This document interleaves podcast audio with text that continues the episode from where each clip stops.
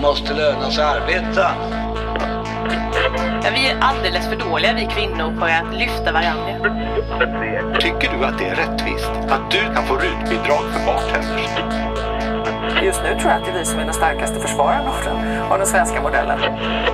Avundsjukan i det socialdemokratiska idealsamhället är ju större än sexualdriften.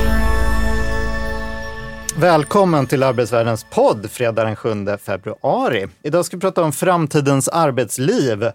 Vi ska prata om frågor som hur ser framtidens arbetsplats ut? Kommer vi jobba på distans eller kommer vi jobba i små uppkopplade redaktioner någonstans? Eh, vilka verktyg kommer vi använda nu när alla prylar blir uppkopplade? Kommer vi att förälska oss i vår personliga digitala assistent? Och eh, en fråga som jag vet att Samuel brinner för, kommer videokonferenser äntligen att fungera? eh, Hörrni, vi ska såklart också få en liten rapport från eh, vår specialredaktion En jobbig värld. Den här gången får vi en inblick i den här nya tankesmedjan Oikos och hur den kommer fungera. Som vanligt är Britta Lejon, ordförande ST här. Yes. Och Samuel Engblom. Ja, det är jag. Och jag är här fysiskt, inte på videokonferens. Precis. Ja. Och du är samhällspolitisk chef på TCO. Det stämmer. Eh, Jag heter ju Mikael Fällbaum och är chefredaktör på Arbetsvärlden. Och vår gäst idag är Måns Jonasson från Internetstiftelsen. Välkommen! Tack så mycket, hej. Hej, du är digital strateg där och du är också författare till eh, Framtidsboken, eller hur? Jajamän. Ja. En eh, barnbok för eh, barn 6 till 9, tycker förlaget. Jag tycker 6 till 99 såklart. Ehm, om hur livet kan se ut år 2070. Eh, utifrån vad vi vet idag. Och från början så skulle det ha handlat om hur livet såg ut 1970 och jämfört med 2070 tills eh, min kära förläggare sa att barn är nog inte jätteintresserade av hur livet såg ut på 70-talet. och de hade ju rätt, så att jag strök allt det här roliga nostalgiska tillbakablickandet som vi vuxna tycker är kul och så blev det bara framtidsvisioner istället. Härligt. Kan man berätta om framtiden för barn kan man säkert eh, förmodligen göra det för vuxna också. Det är lär ju tanken. vara, det lär ju vara enklare. Ja.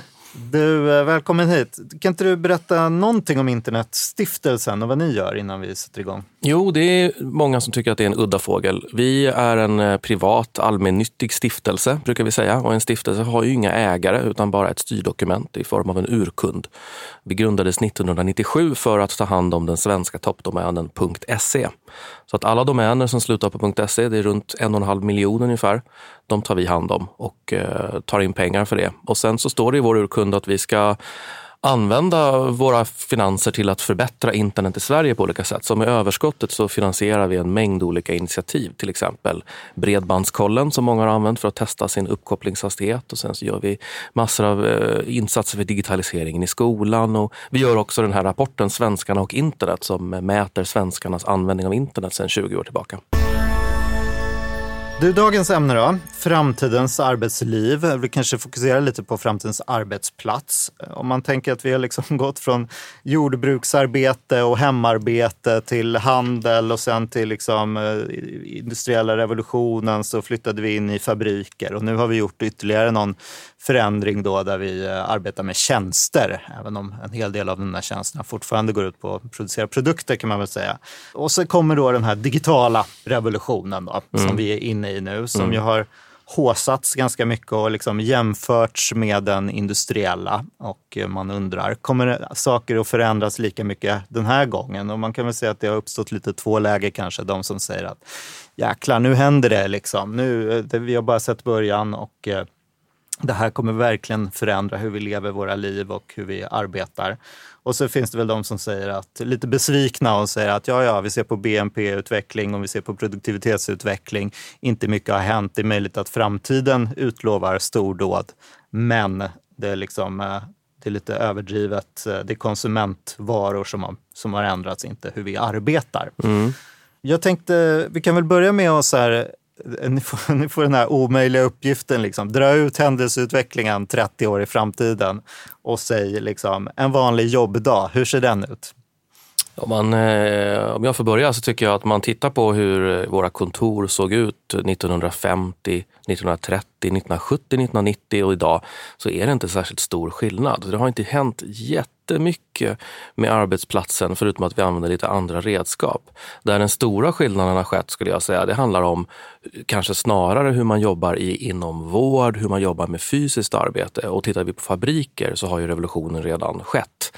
De enkla fabriksjobben är ju på väg bort helt och hållet. Det blir, man kan skilja på en automatisering av arbeten där vi har robotar som gör mycket av det mekaniska arbetet och sen den här AI-revolutionen som väl kanske är nästa steg där mycket av det tankearbete vi gör eller så att säga eh, monotona eh, tankearbete i alla fall förväntas försvinna på samma sätt.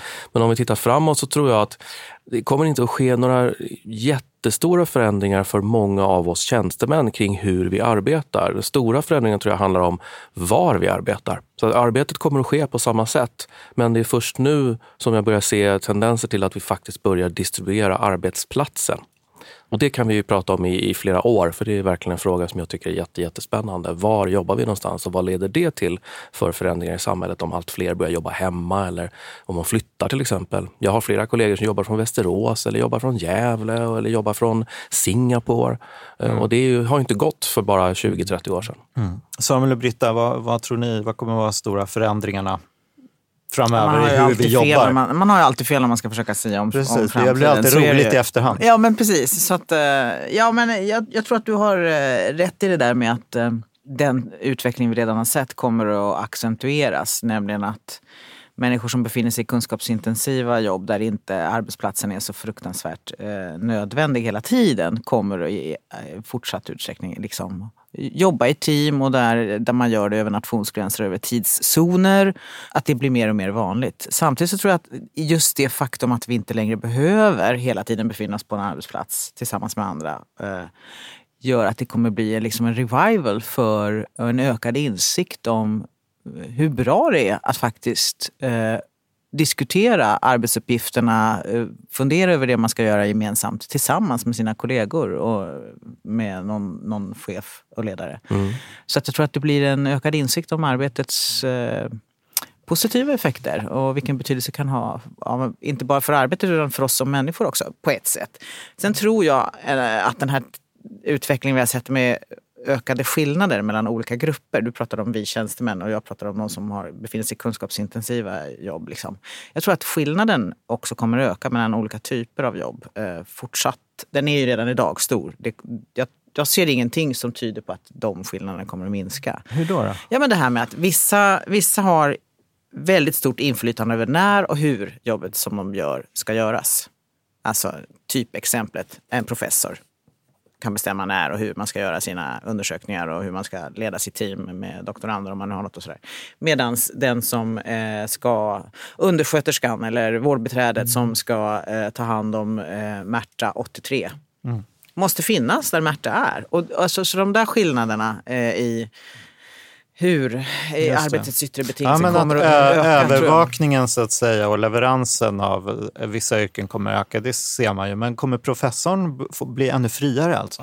Nu tror inte jag att professorer kan bli så mycket mer eh, friare när det gäller att bestämma själva när och hur och var de ska jobba. Eh, men det blir fler som kommer att få ah, eh, okay. del av den frihetsgraden medan andra kommer att fortsätta att liksom befinna sig här och nu och där ska det jobbet göras. Så man har inget inflytande över när man ska göra vilken arbetsuppgift och hur. Mm. Samuel? Men först måste jag säga, jag tycker Måns har en viktig poäng. Att faktiskt man också, jag tror man ska inte, för ofta får man ju den här frågan, eh, vad kommer att ha förändrats? Men man bör ofta, den bör ofta också komplicera, men vad kommer att vara likt eller vad kommer inte ha förändrats? För det tror jag är viktigt att förstå Absolut. det som inte förändras. Jag mm. brukar uppmana forskare att forska på det beständiga också, inte bara på förändringen. Därför att det är intressant varför. Jag ser rubriken framför mig, det här kommer vara för evigt. Intresset, ja, nej, och, det, och det är ju såklart väldigt riskfyllt att säga något sånt, men jag tror att att det blir lika riskfyllt eh, och, eh, alltså att peka ut saker som inte, eller som, som kommer förändras väldigt mycket. Men, men jag tror vissa saker då, så vissa saker verkar ju vara ganska konstanta. Det är ganska intressant det här, det, eh, så länge jag har hållit på med, med arbetsmarknadsfrågor och arbetsrätt så har man ju sagt att, att tillsvidareanställningen den kommer ju försvinna i framtiden och ändå ligger den där konstant på sina 75 procent av arbetskraften. Och det är ganska intressant att veta varför. Sen tänker jag att det som Britta beskriver, det är ju det här att samma teknik kan ju betyda frihet för en del och ofrihet för andra. Exakt. Och det är väl till det här vi ser att ja, vissa av oss får den här möjligheten att jobba på distans, att kunna eh, eh, göra vårt arbete liksom varifrån vi än befinner oss, vilket också givetvis har en del baksidor vad gäller arbetsmiljö och sånt. Samtidigt som det då för en del andra betyder att eh, så arbetsgivarens möjlighet att stycka upp arbete, att kalla in folk precis när de behövs, eh, att övervaka leder då till, till, till eh, snarare då till en ökad eh, Eh, ofrihet i hur arbetet är organiserat. Det som kan vara en intressant trend är ju det här att, att den tekniken gör det ju möjligt att stycka upp arbetsuppgifter. Eh, och det är så här, och att, att ha eh, till exempel ha och, också en arbetsgrupp då, att den kan sitta på olika håll.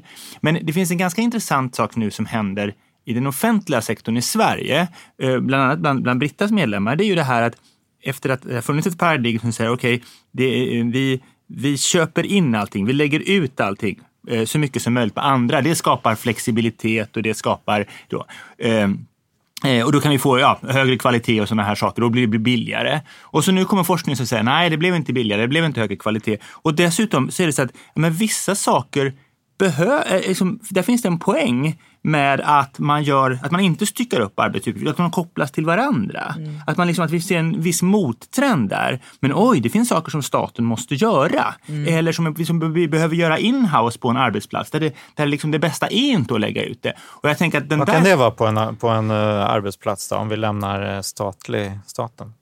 Nej men det kan vara eh, så här, du kan ju lägga ut, alltså det, det, man kan ju stycka upp sin, säg så här, säg kommunikationen från en organisation kan man säga, okej okay, men det här lägger vi ut på byråer och sånt här. Men byråerna har inte den förståelsen för verksamheten. Eh, den bästa kommunikationen är väldigt tydligt kopplad till, eh, till verksamheten, till det man liksom, till kärnverksamheten. Det kan vara en sån sak. Eller att man, man, man, det finns tjänster som man kanske har tänkt sig att det här, ja, men det här är någonting som sker vid sidan om, men det kan ändå bli mer effektivt. Alltså, jag, jag, jag, jag hoppas att, jag tänker att den, den, diskussionen kommer bli ännu viktigare i framtiden på grund av att möjligheten att stycka upp ökar. Och det är ju en del av svaret för varför, var, varför eh, tillsvidareanställning på heltid på en arbetsplats så attraktivt även för arbetsgivare. Jo, men det är det här att kunna, det gör organisationen flexibel, man har folk på plats som kan ta sig an olika Lojalitet, arbetsuppgifter. kontinuitet, mm. Allting förtrogenhet. är uppstyckat med, i ja. specifika mm. tjänster. Alltså, mm. Den här, jag tror den, den, och det kommer vi se, det kommer säkert en pendel som kommer fortsätta mm. att slå fram och tillbaka.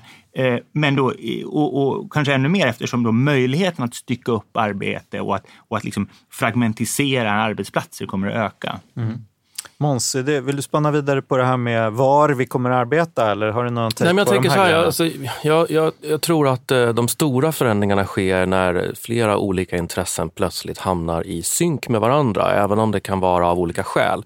Så till exempel så fick vi industrirobotar, då, då såg arbetsgivarna en chans att eh, effektivisera produktionen samtidigt som arbetstagarna såg en chans att slippa väldigt, väldigt tunga arbetsuppgifter. Eh, och I början tyckte man inte att det var något problem att man tog in robotar robotar för att svetsa bilar. Utan man tyckte det var ganska skönt att slippa de här tunga arbetena. Sen på sikt, ganska långt efteråt, har man insett att vänta nu här, plötsligt så måste alla vara robotingenjörer för att få jobb på fabrik. Nu ser jag en liknande tendens där vi ser att eh, arbetsgivarna har kommit på att det går att ha väldigt mycket mindre och tajtare kontor om flera jobbar på distans och flera jobbar hemifrån. Samtidigt som arbetstagarna tycker att det är väldigt skönt att slippa pendla. Och det kanske är igen då en sån här litet, där stjärnorna står på rätt ställe, att alla vill samma sak. Ingen vill egentligen åka till jobbet, alla vill hellre sitta hemma i pyjamas och jobba. Och arbetsgivarna inser att vänta nu här, vi har 1000 kvadrat, kan vi ha 500 kvadrat istället? Då sparar vi jättemycket pengar på hyra. Så att så är det ju. Men det är väl det jag igen menar så står vi på samma jag tror, sida. att, jag tror att man kommer åt, åt så små, alltså den där pendeln mm. ja, har, nu har, vi... har liksom nått sin peak tror ja. jag nästan. För ja. Att, eller ja, det beror på var mm. vi befinner oss. Men, men kommer men, vi få men, verktygen man, att kunna insikt, sitta så hemma och ändå kommunicera nej, med folk? Det är det, det, är det som, grejen. inte riktigt för det första så, idag. det, det går ju, för det första så ska man få en verksamhet att fungera kan inte alla vara eh, disparata liksom, solitärer hela tiden. Man måste faktiskt ibland samlas och diskutera Om vad man ska göra. videokonferenserna fungerar kanske? Ja. Mm. Men en, en, en intressant sak är att, att, att liksom ett motiv till, förutom då lägre lokalkostnader, till att man gör typ lösningar med, med öppna kontorslandskap eller sådana här flexibla kontor av olika slag. Det är just att ja, men det finns en poäng att folk sitter ihop, man hör varandra, det ska öka möjligheten till samarbete, man kan flexibelt sätta sig med dem som man behöver samarbeta med just nu. Så där finns det helt klart någonting som handlar om det här, det fysiska, att man sitter nära varandra och det vill man uppmana. Och då, men samtidigt så här, kalkylen bygger på att x antal personer jobbar hemma varje dag. Ja, men inom, inom internetföretag där jag ju oftast verkar, där finns det ju hela verksamheter som inte ens har kontor. Utan bara består av helt distribuerade, där man har en utvecklare i Ryssland, en utvecklare i Singapore, en projektledare i Storbritannien och så jobbar man så. Och träffas kanske en gång om året på någon kick-off någonstans. Ja, eller och det man funkar har- alldeles utmärkt om för man- den typen av arbete. Men det beror ju helt på det. vad man ja, gör. Exakt, jag har ju medlemmar då som liksom, istället för den där fina bilden du beskriver att man slipper åka till jobbet så måste de åka till jobbet en timme tidigare än förut därför att det är slagsmål om vem som ska få någon plats Mm. att sitta. Och de som har barn att lämna på, på dagis är gråtfärdiga när de kommer till jobbet för de vet att det blir ett helvete för dem att hitta någonstans att göra sitt jobb. Alltså, det, det, Mm. Du pratar liksom- om sådana här helt aktivitetsbaserade kontor Ja, och där där man inte man har en fast plats. Mm. gör precis den där ekonomiska kalkylen som du säger och räknar bort en stor andel av, av eh, arbetsstyrkan för man räknar med att x procent är borta. Och Och den är inte alltid x borde då vara att borta. man bestämmer sig för att inte åka till jobbet och allt jobba hemifrån. Men då måste ju arbetsgivaren tycka att det är okej och det arbete Ja, du ska utföra exakt, måste gå att exakt, utföra exakt, lika bra. exakt. Ja. Du pratar att ju mycket vi- Mm. om videokonferens. Jag håller med om att det handlar ganska mycket om, om jag brukar prata om bandbredd. Nu, Mm. nu sitter vi fyra personer i ett rum och spelar in podd. Rent tekniskt hade vi kunnat göra det i fyra olika rum, men det hade inte blivit Vi har en lika försökt, bra podd. du, det har inte gått så bra. jag har också försökt flera gånger, men det, det, det mänskliga mötet har ju fortfarande någonting väldigt, väldigt Mm. Absolut. värdefullt. Men frågan är om tekniken om 50 år till exempel, det är väldigt, väldigt lång tid. För 50 år tillbaka hade vi bara svartvit tv i Sverige. Mm. Om 50 år framåt, då kanske vi kan sitta i någon sorts virtuell verklighet och ha precis samma upplevelse som vi har nu. Precis, Men- se, men- se hur din pupill förändras beroende Ja. på vad du pratar Men- om. men det här- det men där här- är interaktionen som vi idag inte klarar För av. man, men en sak när man pratar om teknisk förändring som jag, tycker, jag tror att man ibland underskattar det är att en sak är tekniken förändras, men vårt förhållande till tekniken förändras. Och då är det så här, vår upplevelse eller åsikt av vad som är en fullgod interaktion med en organisation, med en myndighet eller med en människa. Det förändras också.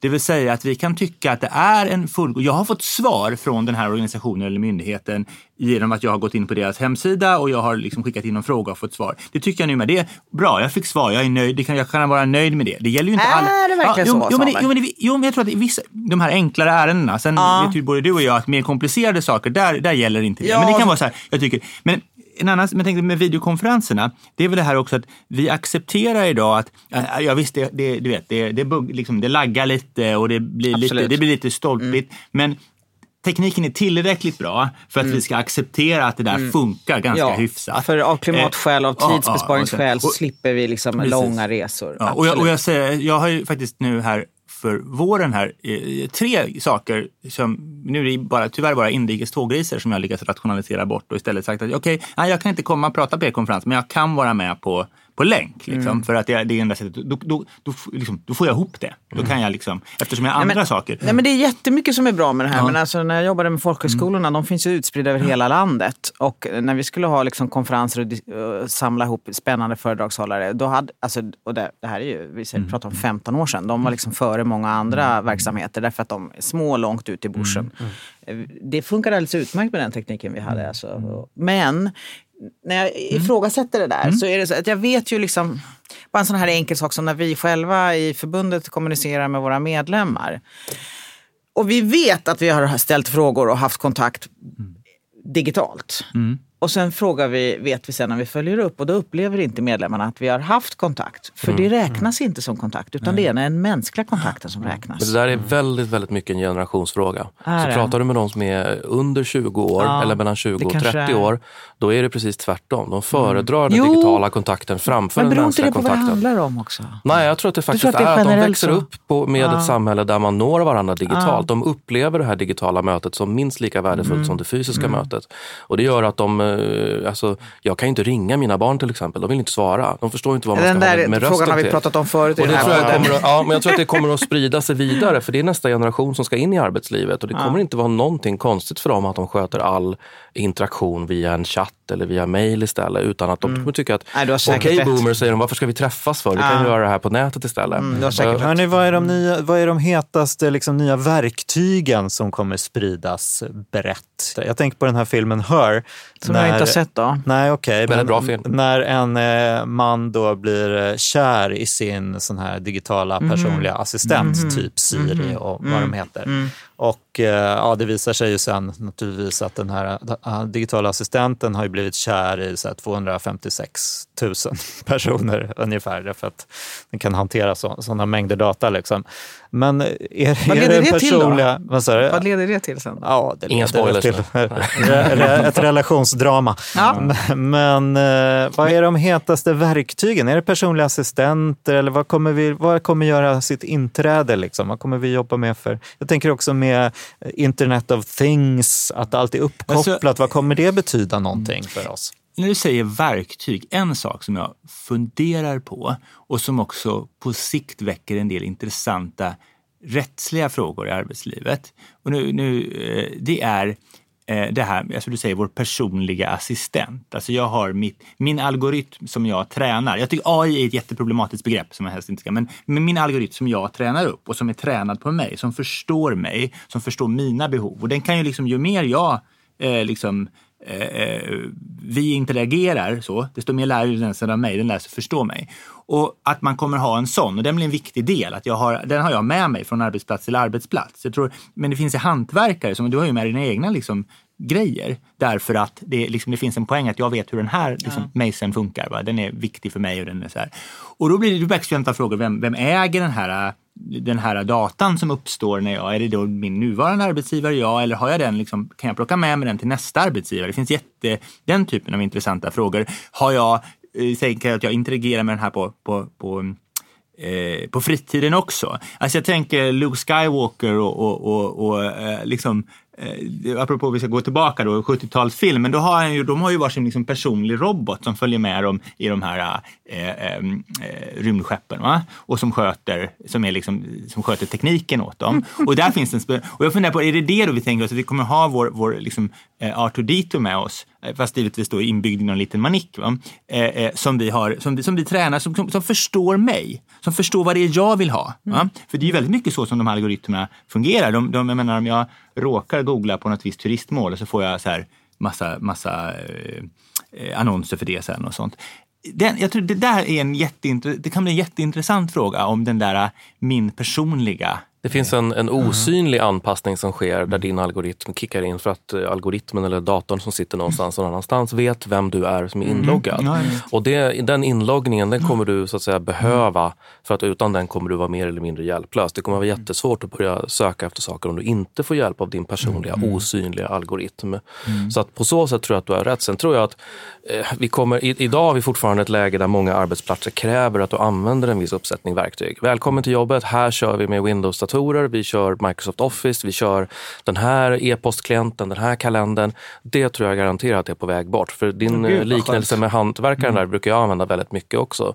Det finns ju ingen hantverkare i världen som skulle godkänna att börja på ett jobb och säga nu måste du, här är verktygslådan, du får bara använda de här verktygen. Äh, dra åt helvete. Jätteskönt om du säger sådär. För jag som befinner mig i så många olika verksamheter, jag dör på alla dessa jäkla olika grejer. Nej, men om vi ska vara liksom... effektiva så måste vi ju kunna välja våra verktyg och det som vi är bra på. Men det kommer ta tid för det är ju mycket, mycket svårare att samordna och vi tror fortfarande att vi måste samordna det. Men gränsen mellan personligt och arbetsliv Borta. blir på det sättet eh, mycket mer bl blurrig. Absolut. Den är redan det är den ju bort. redan. Precis. Mm. Jag tänker bara också när jag hör er beskriva, alltså, att, jag tror, nu är jag lite introvert då, som typ, men, men eh, jag tror ju att den här eh, vikten av att få vara, koppla, av, koppla mm, bort mm. kommer att öka i betydelse. Alltså att få, att få också själv bestämma över sin data, mm, integritetsfrågor, att inte ständigt vara över, mm, övervakad. De frågorna kommer säkert att öka. Jag, tror, jag är rädd för att det, jag håller med dig, men jag är rädd för att det också är en generationsfråga. Därför att det är vi som har vuxit upp i men, en tid när internet har kommit som ser, har de här tankarna ja, och de exakt, unga tänker inte på det sättet. Om du ser hur det ser ut i, i liksom världen, hur totalitära stater använder sig av de möjligheter som finns och du ser den ungdomsrevolt som är på Hongkongs gator. Jag menar, jag, jag, och på mm. andra ställen. Nej, men det, tror att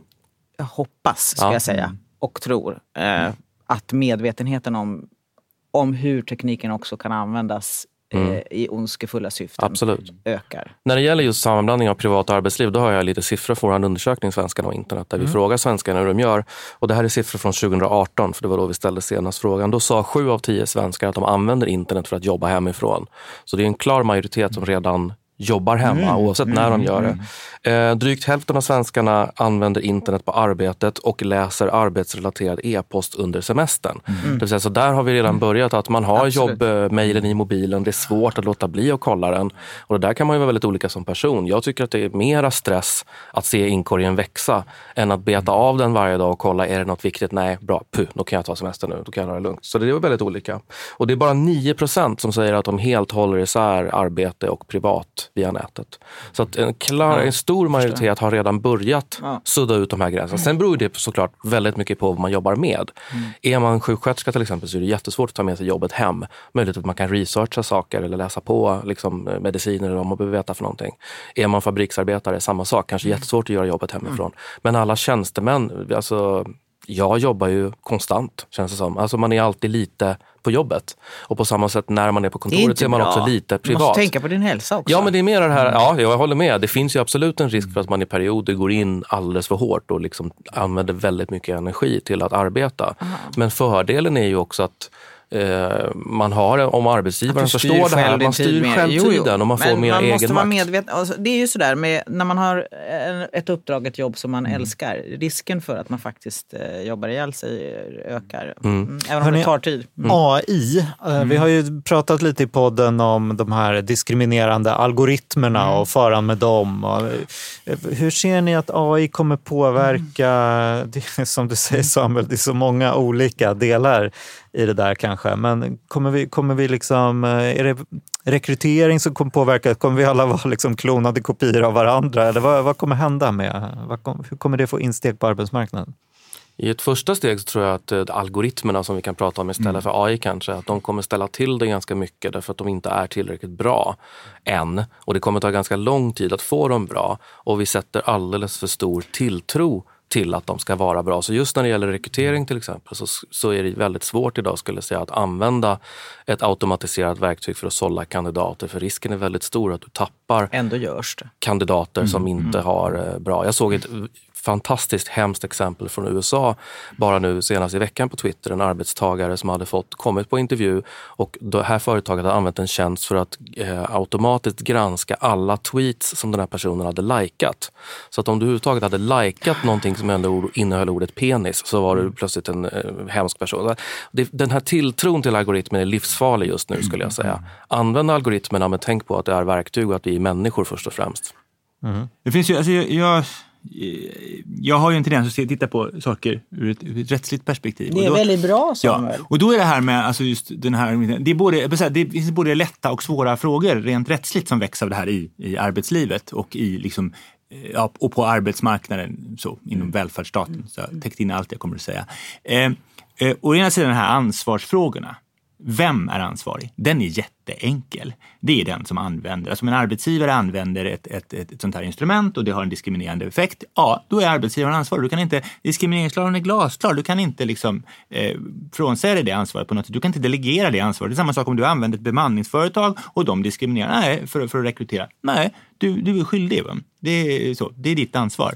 Eh, Däremot så kan du sen givetvis ge dig på leverantören av den här produkten och säga att hej, jag använder din produkt och så fick jag betala en massa skadestånd. Va? Eh, eh, hej, jag vill ha skadestånd av dig. Det kan du göra. Men det som, det som är, blir de, de svårare frågorna, det är ju det här då, då kommer vi ner mer på det här på processfrågorna och bevisfrågor. Hur visar vi att eh, algoritmen diskriminerade. Och, det kan vi, och där, där sker en jätteintressant utveckling med, med, där man diskuterar just hur man ska, eh, det här med att bara gå in och kolla, dels att liksom, kolla själva algoritmen och den programmerade, men det säger ingenting därför att det är datan som du laddar den med som är. Utan, eh, och dessutom är det ju ofta någonting som företag, det här är ju någonting, det här är ju våran produkt, den kan inte vi bara släppa in alla andra i. Eh, utan då är det här kring olika sätt att testa algoritmerna. Liksom. Att, man ska kunna, att du ska kunna få, och skapa transparens, att du ska kunna få reda på vad det var som gjorde att du inte fick jobbet. Var det vilket postnummerområde jag, jag bodde i? Ja?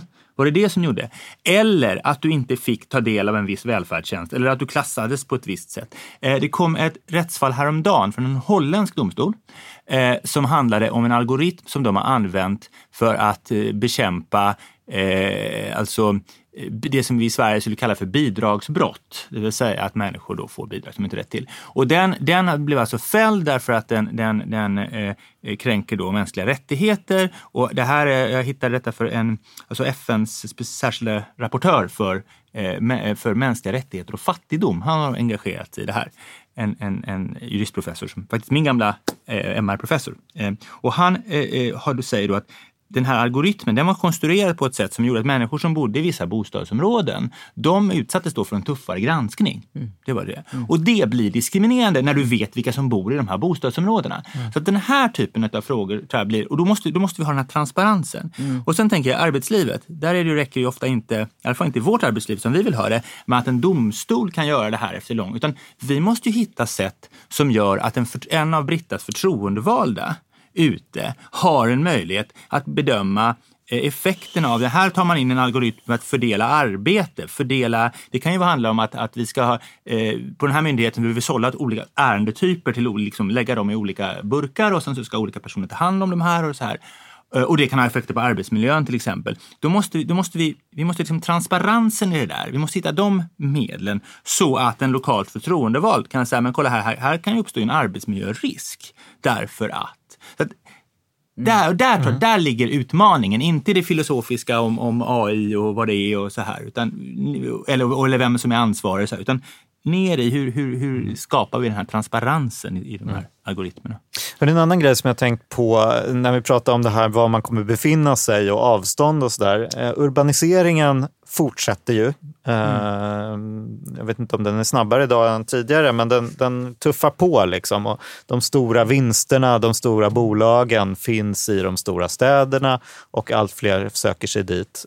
Vad, hur påverkar det här? Vi, vi, vi, kan visserligen jobba hemifrån, men vi alla ska samlas ändå på samma, i samma många, stad. Många verkar ju vilja tro att just distansmöten och distansarbete ska leda till en ny födsel för landsbygden. Att plötsligt ska en massa stadsbor välja då att flytta ut till eh, lugn och ro i, i någon skog någonstans. Men det, det verkar inte riktigt fungera så, utan det som eventuellt händer är att folk köper ett lite större hus i en förort. För att det, det man också vill ha av staden är ju mer än bara arbetet. Man vill ha kultur, man vill ha liksom, restauranger, man vill ha närheten till allt annat. Man vill ha valfrihet bland skolor, man vill ha valfrihet i vård. Man vill ha massa olika typer av service som inte finns på landsbygden. Så jag, vi har pratat ganska mycket om det här. Jag tror det är svårt att se att, så att, säga, landsbygden tjänar på att att det blir lättare att jobba på distans. Jag tror tvärtom att mm. urbaniseringen fortsätter. Och istället är det väl så att de här äh, attraktiva städerna kopplar ihops mer och mm. mer. Alltså över alltså olika städer i världen. Mm. Jag, jag, tror att den liksom den utvecklingen kommer fortsätta. Kopplas ihop fysiskt eller? Ja, men att vi som individer eh, mm. jobbar i, i projekt och tillsammans med folk som befinner sig andra, i andra delar av världen. Man kan flytta direkt från uh, Örkelljunga till Berlin istället för att flytta ja. till Stockholm kanske. Ja. Men det är en annan sak, för det, det man, man ibland pratar om, om att det kan komma en mottrend mot urbaniseringen. Det är om man säger att det blir sån trängsel i staden att det skapar eh, så, att det skapar transaktionskostnader. Det tar för lång tid att ta sig till jobbet och sådana här saker. Och till mm. slut har vi fått nog. Jag har suttit här på mm. Essingeleden mm. eller i ett pendeltåg som inte funkar eller mm. liksom så. Eh, eh, bussen kommer inte och, och, och, och, det är bara igenkorkat och då flyttar jag till, landsby- till landet. Det, det är ju liksom en sån teori som finns. Men det, jag tänkte det som du beskrev innan, det här just att du säger möjligheten att jobba hemifrån och sådär. Det blir ju ett sätt att hantera den där trängseln. Det är nämligen så att när jag har ett utvecklingssamtal med ett barn i skolan klockan 12.30, då kan jag jobba hemifrån på morgonen. Mm. Eh, eh, och, så nu, jag har jättetur, jag bor på samma tunnelbanelinje som jag jobbar, men sätt det här liksom längre väg till jobbet. Min fru har mycket längre väg till jobbet. För henne skulle det vara jättesvårt att åka till jobbet och sen åka tillbaka och ha det där och så. Och det, så där, då, och då skulle det snarare leda till ännu mer urbanisering därför att vi klarar av att hantera en del av trängseln eh, eh, den vägen. Mm. Men nu kan vi inte avsluta med en lite sån större fråga om eh, samhället och eh, den tekniska utvecklingen och sådär. Jag läste en rolig artikel i The Atlantic som hette Where's my flying car? Eh, var är min flygande bil? Och det är lite på det här temat att eh, Uh, det finns ju en tydligare artikel sån här, why, why are the greatest minds of our generation uh, working to make us click ads? Alltså, mm. det, det, är mycket som handlar om, om uh, annonsgenererat material inom den här digitala revolutionen än så länge. Eh, och den här artikeln handlar väl om liksom, ja, besvikelsen över att det inte händer det som hände under den industriella revolutionen när nu den digitala revolutionen lanseras lite som det den eh, liksom, industriella revolutionen, ta sådana här liknelser, att, att det startade ju tillväxten egentligen. Dubblade arbetarklassens löner under första halvan av 1800-talet. Men hittills har liksom inte mycket hänt tillväxtmässigt eller produktivitetsmässigt. Vi har våra smartphones, men den fysiska världen består. Liksom gator och transporter och affärer och hus. Det har inte hänt jättemycket. Liksom. Och urbaniseringen fortsätter. Och Uber och TipTap, det här som vi ser liksom på marknaden. Samuel eh, försvinner iväg till nästa möte, men vi fortsätter. Ehm, det handlar ju liksom om att sänka löner och göra, göra de som har råd att konsumera de här tjänsternas vardag lite enklare. Ehm, men förändrar det någonting i grunden? Liksom? Är det innovation egentligen? Eh, de, de drar slutsatsen att vi har fått en revolution i consumer convenience. Slutsatsen är lite, borde vi ägna mer tid och energi och innovation åt de här klassiska områdena? Energi, bioteknik, hälsa, automatiserat byggande, transporter. Vad har ni för take på det där? Vad är det som händer på arbetsmarknaden? Är det någonting egentligen? Du får väl börja eftersom du, är, du är experten ja. på det här. Jag, tror att, eh, jag tycker att eh, det är en intressant tanke att vi kanske inte satsar på att göra livet så mycket bättre för oss utan att det handlar om eh, pengar.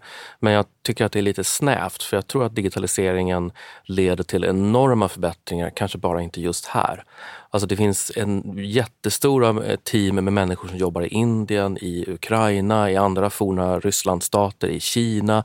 Alltså i de länder som har mycket lägre priser än vad vi har egentligen. Och de kan nu plötsligt konkurrera om tjänster och arbeten som de inte har kunnat förut just för att avståndet inte längre spelar någon roll. Och det är kanske en obehaglig sanning för oss här att den här digitaliseringen leder framför allt till förbättringar i tredje världen. Eh, det behöver inte vara en dålig sak menar jag, men det är kanske svårt att leta efter direkta förbättringar för oss som bor här då. Fast jag tycker nog att, eh, jag håller med om att det där var lite, lite eh, snävt kan man uttrycka det. Men, för mm. jag tror ju ändå att det, min bild är ändå att det händer en massa saker inom medicin och inom materialkunskap och en massa områden som vi bara har sett en bråkdel av än så länge. Jag tror att det kommer att vara förändringar som också är förbättringar även för oss i den här delen av världen. Men jag håller med dig om att de stora vinsterna är, har hittills varit i jag tror andra delar En del av de här tjänsteutvecklarna som man avfärdar lite lätt här, och det är klart att tar man TipTap och Uber som exempel så är det inga revolutioner. Men om vi tar eh, vårdbesök via app till exempel, om man, om man tittar på det ur ett längre perspektiv så väldigt mycket tjänster och service skulle kunna ersättas med eh, distanstjänster och det i sig kan vara en enorm revolution. Inte minst då för landsbygden som vi pratade mm. om. Tänk att kunna besöka vilken läkare, psykolog som helst oavsett var du bor till exempel. Och eller kunna... kanske välja en psykolog eller läkare i ett annat annat Precis, land. Och sen kunna leverera mm. medicinen med en drönare till även till äh, väldigt äh, avlägsna byar. Liksom. Ja, och tittar vi på de äh, massor av människor som bor i det här landet som kommer från andra länder så finns plötsligt möjligheten att ha kvar en kontakt med hemlandet. Det leder till ett kulturellt utbyte. Du kan, jag kan tänka mig att vi kommer att se en framtid där folk kommer till Sverige som invandrare på grund av att det är krig eller konflikt eller fattigdom i deras eget land. Men att de fortsätter att ha lön och arbetet kvar i sitt hemland till exempel och att de bor här. Så jag tror vi har bara sett mm. början på på vad den här liksom, ökade kommunikationen och mm. borttagandet av gränserna kommer att medföra. Mm. mm. Gud vad härligt med denna positiva... Ja, jättehärligt. Bara, jättehärligt. Det är min grej. Avsluta den här spaningen med. Ja, grymt.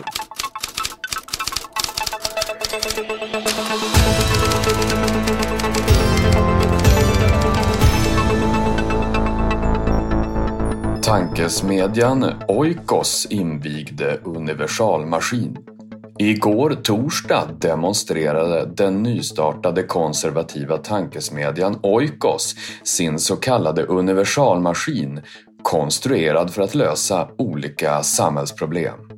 Oik, oikokos, oik, oikokos, oikokos, oikokos.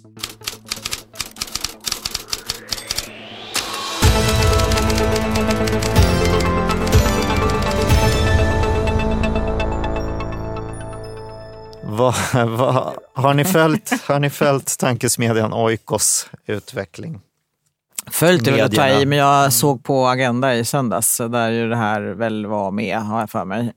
Och sen var det lite kommentarer både från Timbro och från Arenagruppen. Mm. Apropå självständigheten, kommer detta vara en självständig tankesmedja eller inte? Och det är väl, det är väl jag menar, både Timbro och Arenagruppen trodde ju inte riktigt på det, men utifrån olika perspektiv. Då. Det återstår väl att se, men jag tycker att eh, de hade, både, både Timbro och Arenagruppen hade kloka liksom, synpunkter där i det avseendet. Vad tror du om eh, den här lösningsmodellen då? Är det en dunk bensin och en tändsticka som ramlar ut i maskinen? Nej, tyvärr. Tänk om det vore så bra. Jag tror att det är precis Så som... bra. Ja, men för då går det ju lätt att avfärda. Eh, Jag tror tyvärr att det inte kommer vara eh, lösningar som är så lika lätta att avfärda som kommer att komma ut. Mm. Utan säkert betydligt mer subtila och mer, mer knepiga saker som kommer ut ur en sån tankesmedja. Misstänker jag. Mm. Om de nu klarar av att bedriva verksamhet på det sätt som de har tänkt sig. Det är, det är inte så himla enkelt med tankesmedjor. Jag som har suttit i styrelsen för två vet att eh, det finns många fallgropar på vägen och den största är just den där med finansieringen. Eh, men eh, om de... eh, Det, det, det har, är de i startgroparna så har de väl försäkrat sig om att de har finansiering för tillräckligt lång tid framöver för att det ska kunna bli tillräckligt attraktivt och dra till sig folk. Så att det har de säkert löst eftersom de nu lanserar den.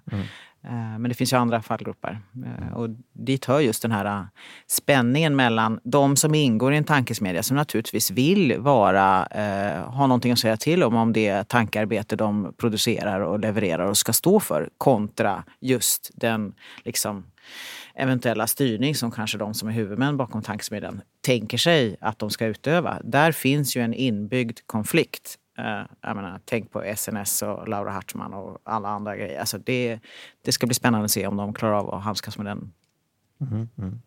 Måns, har du någon... Eh, eh, Nej, jag har, inte, det här? jag har faktiskt inte hängt med mer än att det har varit en massa bråk på Twitter. Jag tycker alltid det är lite spännande när ehm, det dyker upp ett sånt här fenomen och så pratar alla om det i några dagar och sen så sjunker det bort. Och det känns som att eh, just nu pratar alla om det här och ganska snart har det sjunkit bort och sen får vi se vad som faktiskt kommer ut av det.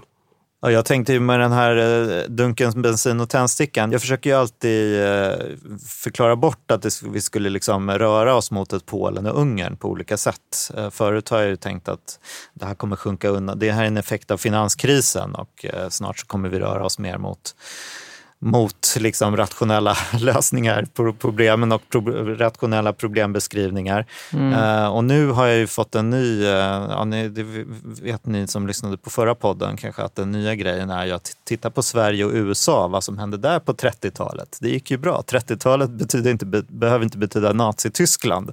Det kan också betyda en liksom, välfärdsstat som fungerar och ett nytt kontrakt liksom, som folk kan eh, få folk att känna fram, framtidstro. Så att, eh, ja, om vi jag ska vet inte om avsluta det där i positiv anda så... så bortförklaringar eller om det kan Nej, men vara så. om vi ska avsluta i positiv anda, för jag tyckte det var så skönt när du sa det där, eh, alltså din ingång här kring, kring den förändrade, eh, kring, kring teknikutvecklingen, vad den gör med våra samhällen.